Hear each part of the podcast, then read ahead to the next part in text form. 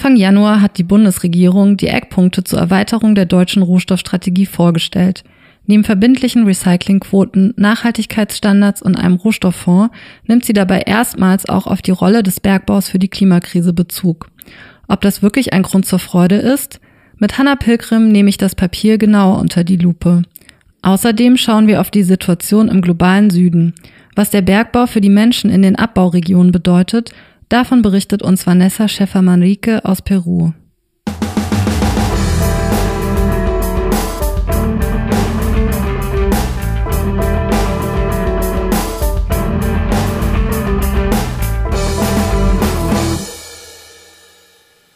Hallo und herzlich willkommen bei Kompass Weltwirtschaft, dem Podcast von PowerShift. In unserer heutigen Folge wollen wir über die Eckpunkte zur Erweiterung der deutschen Rohstoffstrategie sprechen. Mein Name ist Vanessa Fischer, ich bin hier Pressereferentin und ich freue mich sehr, dass ihr heute eingeschaltet habt. Mit mir heute im Studio sitzt Hanna Pilgrim. Sie ist Koordinatorin des AK Rohstoffe und Rohstoffexpertin bei PowerShift. Hallo Hanna, schön, dass du heute hier bist. Hallo Vanessa, vielen Dank für die Einladung. Neuausrichtung der deutschen Rohstoffpolitik. Der Bergbau hat derzeit immense Folgen. Mehr als zehn Prozent der globalen CO2-Emissionen, die Abholzung der Regenwälder und ein enormer Wasserverbrauch gehen auf ihn zurück. Trotzdem setzt die Bundesregierung derzeit alles daran, ihn weiter auszubauen. Denn Rohstoffe werden dringend benötigt, vor allem für die grüne Transformation in den nächsten Jahren. Gerade sind Wirtschaftsminister Robert Habeck und Agrarminister Cem Özdemir in Brasilien und Kolumbien unterwegs. Habeck war im Dezember bereits in Südafrika und Namibia. Und auf all diesen Reisen ging es unter anderem auch um Rohstoffe und neue Kooperationen mit diesen Ländern.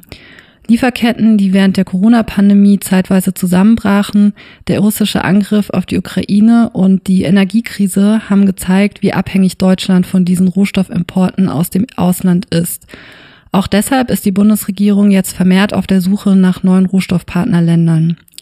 Hanna, Rohstoffpartnerschaften. Was hat es damit auf sich und was hat das mit unserem heutigen Thema zu tun? Führ uns doch mal ein bisschen in die Thematik ein.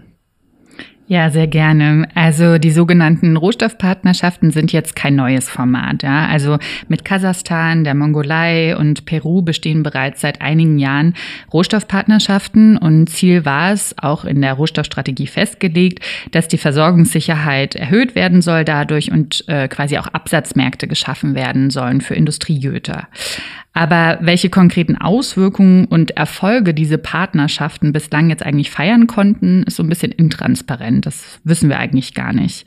Und mit den Entwicklungen, die du jetzt geschildert hast äh, und auch einer neuen Regierungskonstellation zum Beispiel, ähm, bemerken wir gerade, dass jetzt Rohstoffpartnerschaften quasi neuen Aufwind bekommen. Und die letzte Reise von Scholz nach Chile, Argentinien oder auch Brasilien hat das ja gezeigt. Und ähm, ja, laut den ersten Äußerungen, beispielsweise bei Pressekonferenzen äh, von Scholz, soll jetzt alles anders werden. Also kein Extraktivismus mehr, mehr Wertschöpfung vor Ort, höhere Standards, auf Augenhöhe kooperieren etc. Also man möchte quasi nicht mehr und das sagen sie auch selbst, in alte Muster verfallen, die die Länder quasi nur als rohstoffreiche Länder sehen, ähm, aus denen günstig unverarbeitete Rohstoffe bezogen werden können, sondern sie wollen es anders machen.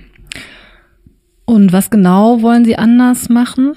Ja, das ist jetzt natürlich das Spannende. Ne? Das eine ist, was man sagt und das andere ist dann, wie, welche Maßnahmen, welche Projekte werden da überhaupt sich ausgedacht. Und ähm, wenn Sie es mit Kooperationen auf Augenhöhe jetzt tatsächlich ernst meinen, darf das natürlich nicht nur auf politischer Ebene passieren, sondern im Angesichts der Bevölkerung, also vor allem derjenigen, die von diesen Projekten betroffen sind. Und meine erste Frage wäre dann natürlich, Inwiefern wurde im Zuge des Aufbaus solcher Partnerschaften die betroffene Bevölkerung konsultiert?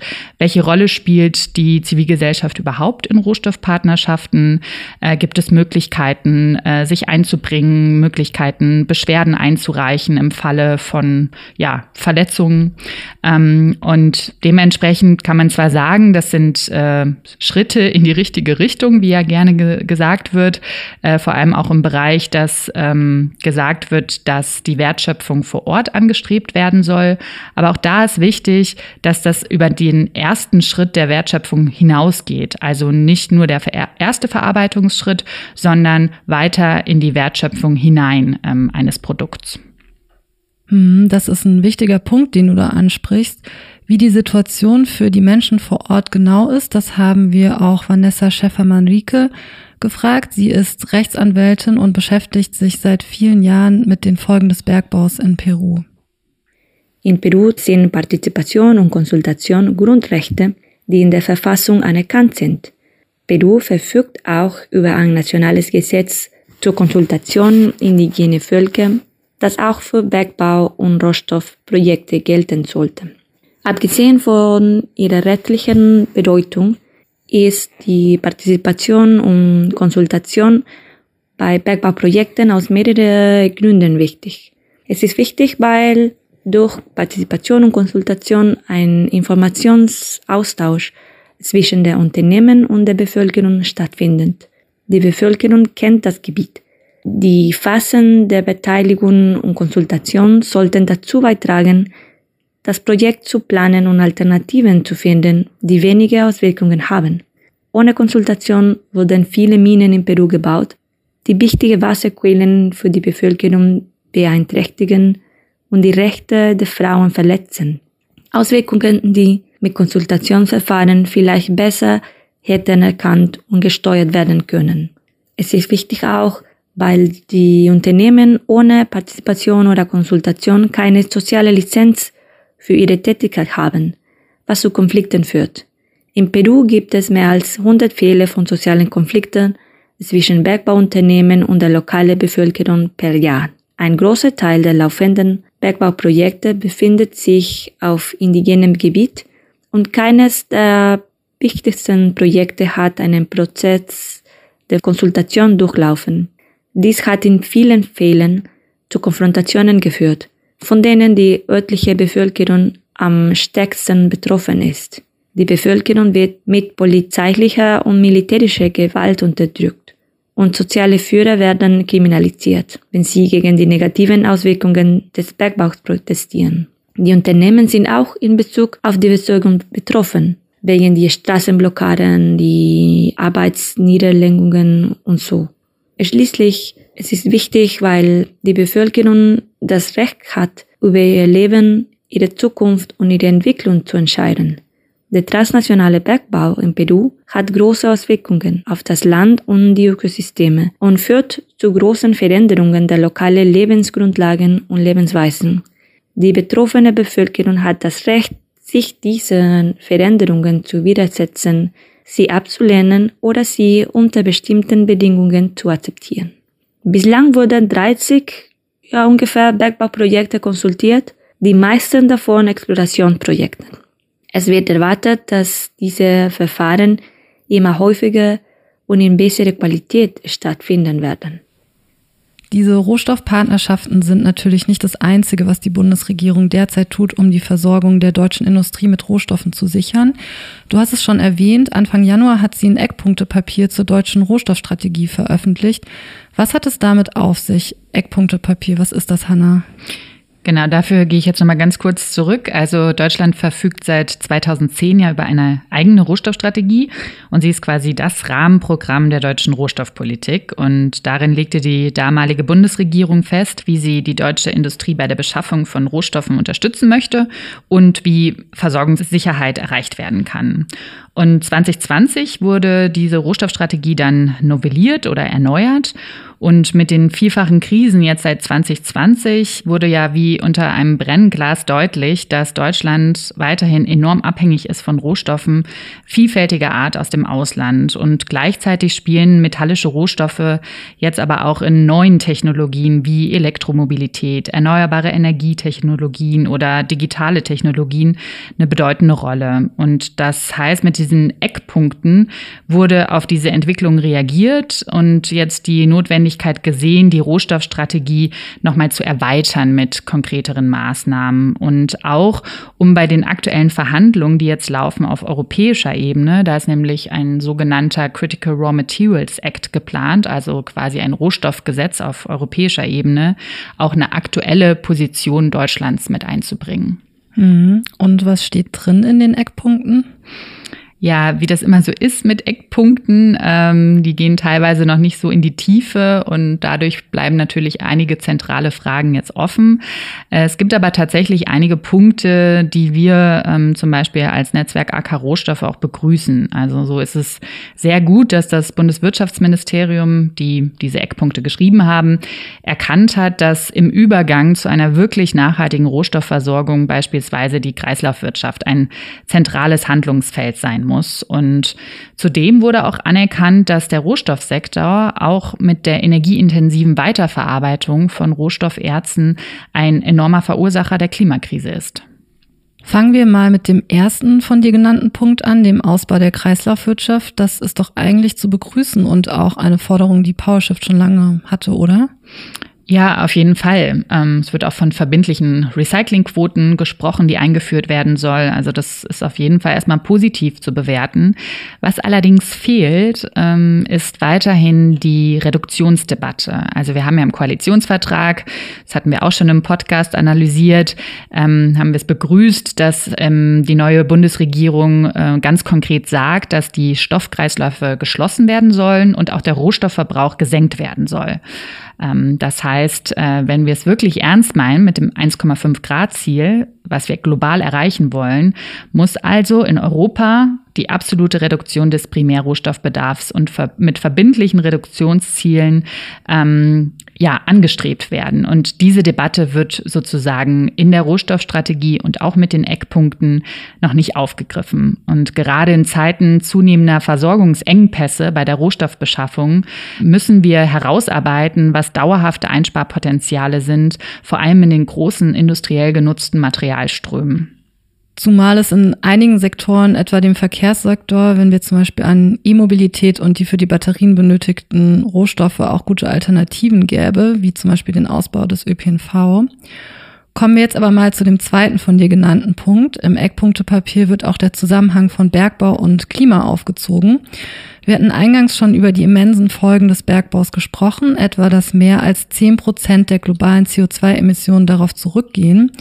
Ist das jetzt ein Grund zur Freude, dass das im Eckpunktepapier so konkret genannt wird, dieser Zusammenhang? Ja, dass es erstmal genannt wird und diese Äußerung in den Eckpunkten steht, ist erstmal positiv zu bewerten. Ähm, und das ist auch eine deutliche Veränderung, wie gesagt, zu der Vergangenheit. Aber was bedeutet dieser Satz jetzt eigentlich genau? Oder wie muss er quasi umgesetzt werden? Ähm, und da, wenn wir müssen wir sagen, wenn wir diese Äußerung jetzt eigentlich konsequent zu Ende denken, dann muss das eben auch bedeuten, dass wir nicht nur über Kreislaufwirtschaft sprechen, sondern auch eine klare Zielsetzung brauchen, wie wir in absoluten Zahlen den enormen Primärrohstoffbedarf in Deutschland senken können. Beispielsweise, wie du eben gesagt hast, die Rohstoffwende und die Mobilitätswende konsequent zu verzahnen. Und es braucht eben eine klare Zielsetzung, damit dieser Äußerung auch materielle Veränderungen folgen. Das ist wichtig wie sich das materiell umsetzen ließe. Damit haben wir uns auch in unserer Publikation Heißes Eisen für kaltes Klima beschäftigt. Den Link zur Publikation findet ihr wie immer in den Show Notes. Ich würde jetzt aber gerne an dieser Stelle noch einmal auf einen weiteren Punkt eingehen. Und zwar steht in den Eckpunkten auch etwas von sogenannten ESG-Standards. Was ist damit gemeint, Hannah? Also dabei geht es ja um Standards im Bereich von Umwelt, soziale Aspekte oder auch der Unternehmensführung. Also dafür steht ja auch die Abkürzung ESG, Environmental, Social and Governance Standards. Und da möchte das Bundeswirtschaftsministerium eine Vereinheitlichung anstreben. Und wir sagen da ähm, ganz klar, wir haben jetzt momentan die Verhandlungen auf europäischer Ebene für ein Lieferkettengesetz. Und das ist jetzt eigentlich die Möglichkeit, ähm, ja, wirksame Standards äh, ja, einzuführen auf europäischer Ebene. Und da sollte sich die deutsche Bundesregierung aktiv einsetzen. Und auch hier, also wenn wir es mit einer Vereinheitlichung wirklich ernst meinen und das bis zum Ende denken, dann muss das eigentlich auch heißen, dass sich äh, Deutschland äh, beziehungsweise die EU ganz konstruktiv auch auf internationaler Ebene bei den aktuell laufenden Verhandlungen für ein internationales Abkommen für Wirtschaft und Menschenrechte aktiv einsetzen muss. Hm. Letztendlich wird sich das EU-Lieferkettengesetz ja dann auch daran messen lassen müssen, wie sich die Situation vor Ort tatsächlich für die Menschen verbessert. Kommen wir jetzt aber nochmal zurück zu den Eckpunkten der Rohstoffstrategie. Was ist da denn sonst noch neu? Ja, was vielleicht noch interessant ist, dass jetzt ein sogenannter Rohstofffonds eingeführt werden soll. Ähm, auch das war jetzt vorher in der Rohstoffstrategie nicht zu finden. Ähm, es soll jetzt erstmal identifiziert werden, welche Rohstoffprojekte in Deutschland, in der EU, aber auch weltweit quasi förderungswürdig wären ähm, und dann quasi mit staatlichen Geldern unterstützt werden. Und da sagen wir ganz klar, auch mit den Erfahrungen aus der Vergangenheit äh, bei der Vergabe von staatlichen Förderungsgeldern muss es an höchste menschenrechtliche Standards gebunden sein ähm, und auch ganz klare Priorität ähm, im Bereich der Sekundärrohstoffförderung ähm, angedacht sein. Ja, in der Vergangenheit waren solche Vergaben ja nicht immer an menschenrechtliche Standards gebunden. In Guinea hat die Bundesregierung zum Beispiel mit sogenannten UFK-Garantien, also ungebundenen Finanzkrediten, für einen Minenbetreiber gebürgt und der hat dann mitten in der Pandemie tausende Menschen zwangsumgesiedelt. Die betroffenen Menschen mussten auf nicht renaturierten Flächen leben, in undichten Häusern und hatten quasi keine Einkommensmöglichkeiten mehr. Im Februar 2019 haben sie eine Klage bei der Weltbank eingereicht. Wenn ihr euch für diesen Fall und die Klage interessiert und wissen wollt, wie es weiterging, dann hört unbedingt in Podcast Folge 14 rein. Jetzt aber zurück zu dir, Hanna. Wenn es jetzt diesen neuen Rohstofffonds gibt in den Eckpunkten der Rohstoffstrategie, heißt das dann, dass es die UFK-Garantien in Zukunft nicht mehr geben wird? Und ist denn zumindest bei den Rohstofffonds ausgeschlossen, dass es zukünftig zu solchen Menschenrechtsverletzungen wie in Guinea kommen wird? Ja, also ich wünschte, ich könnte das sagen, aber bislang wissen wir das leider noch nicht. Also die Infos, die wir haben, ist, dass solch ein Rohstofffonds komplementär zu solchen Außenwirtschaftsinstrumenten wie der UFK-Garantien existieren soll. Aber das Ministerium sagt, sie stehen da noch ganz am Anfang. Das heißt, das kann ich leider nicht sagen, aber UFK-Garantien sollen nicht abgeschafft werden. Mhm.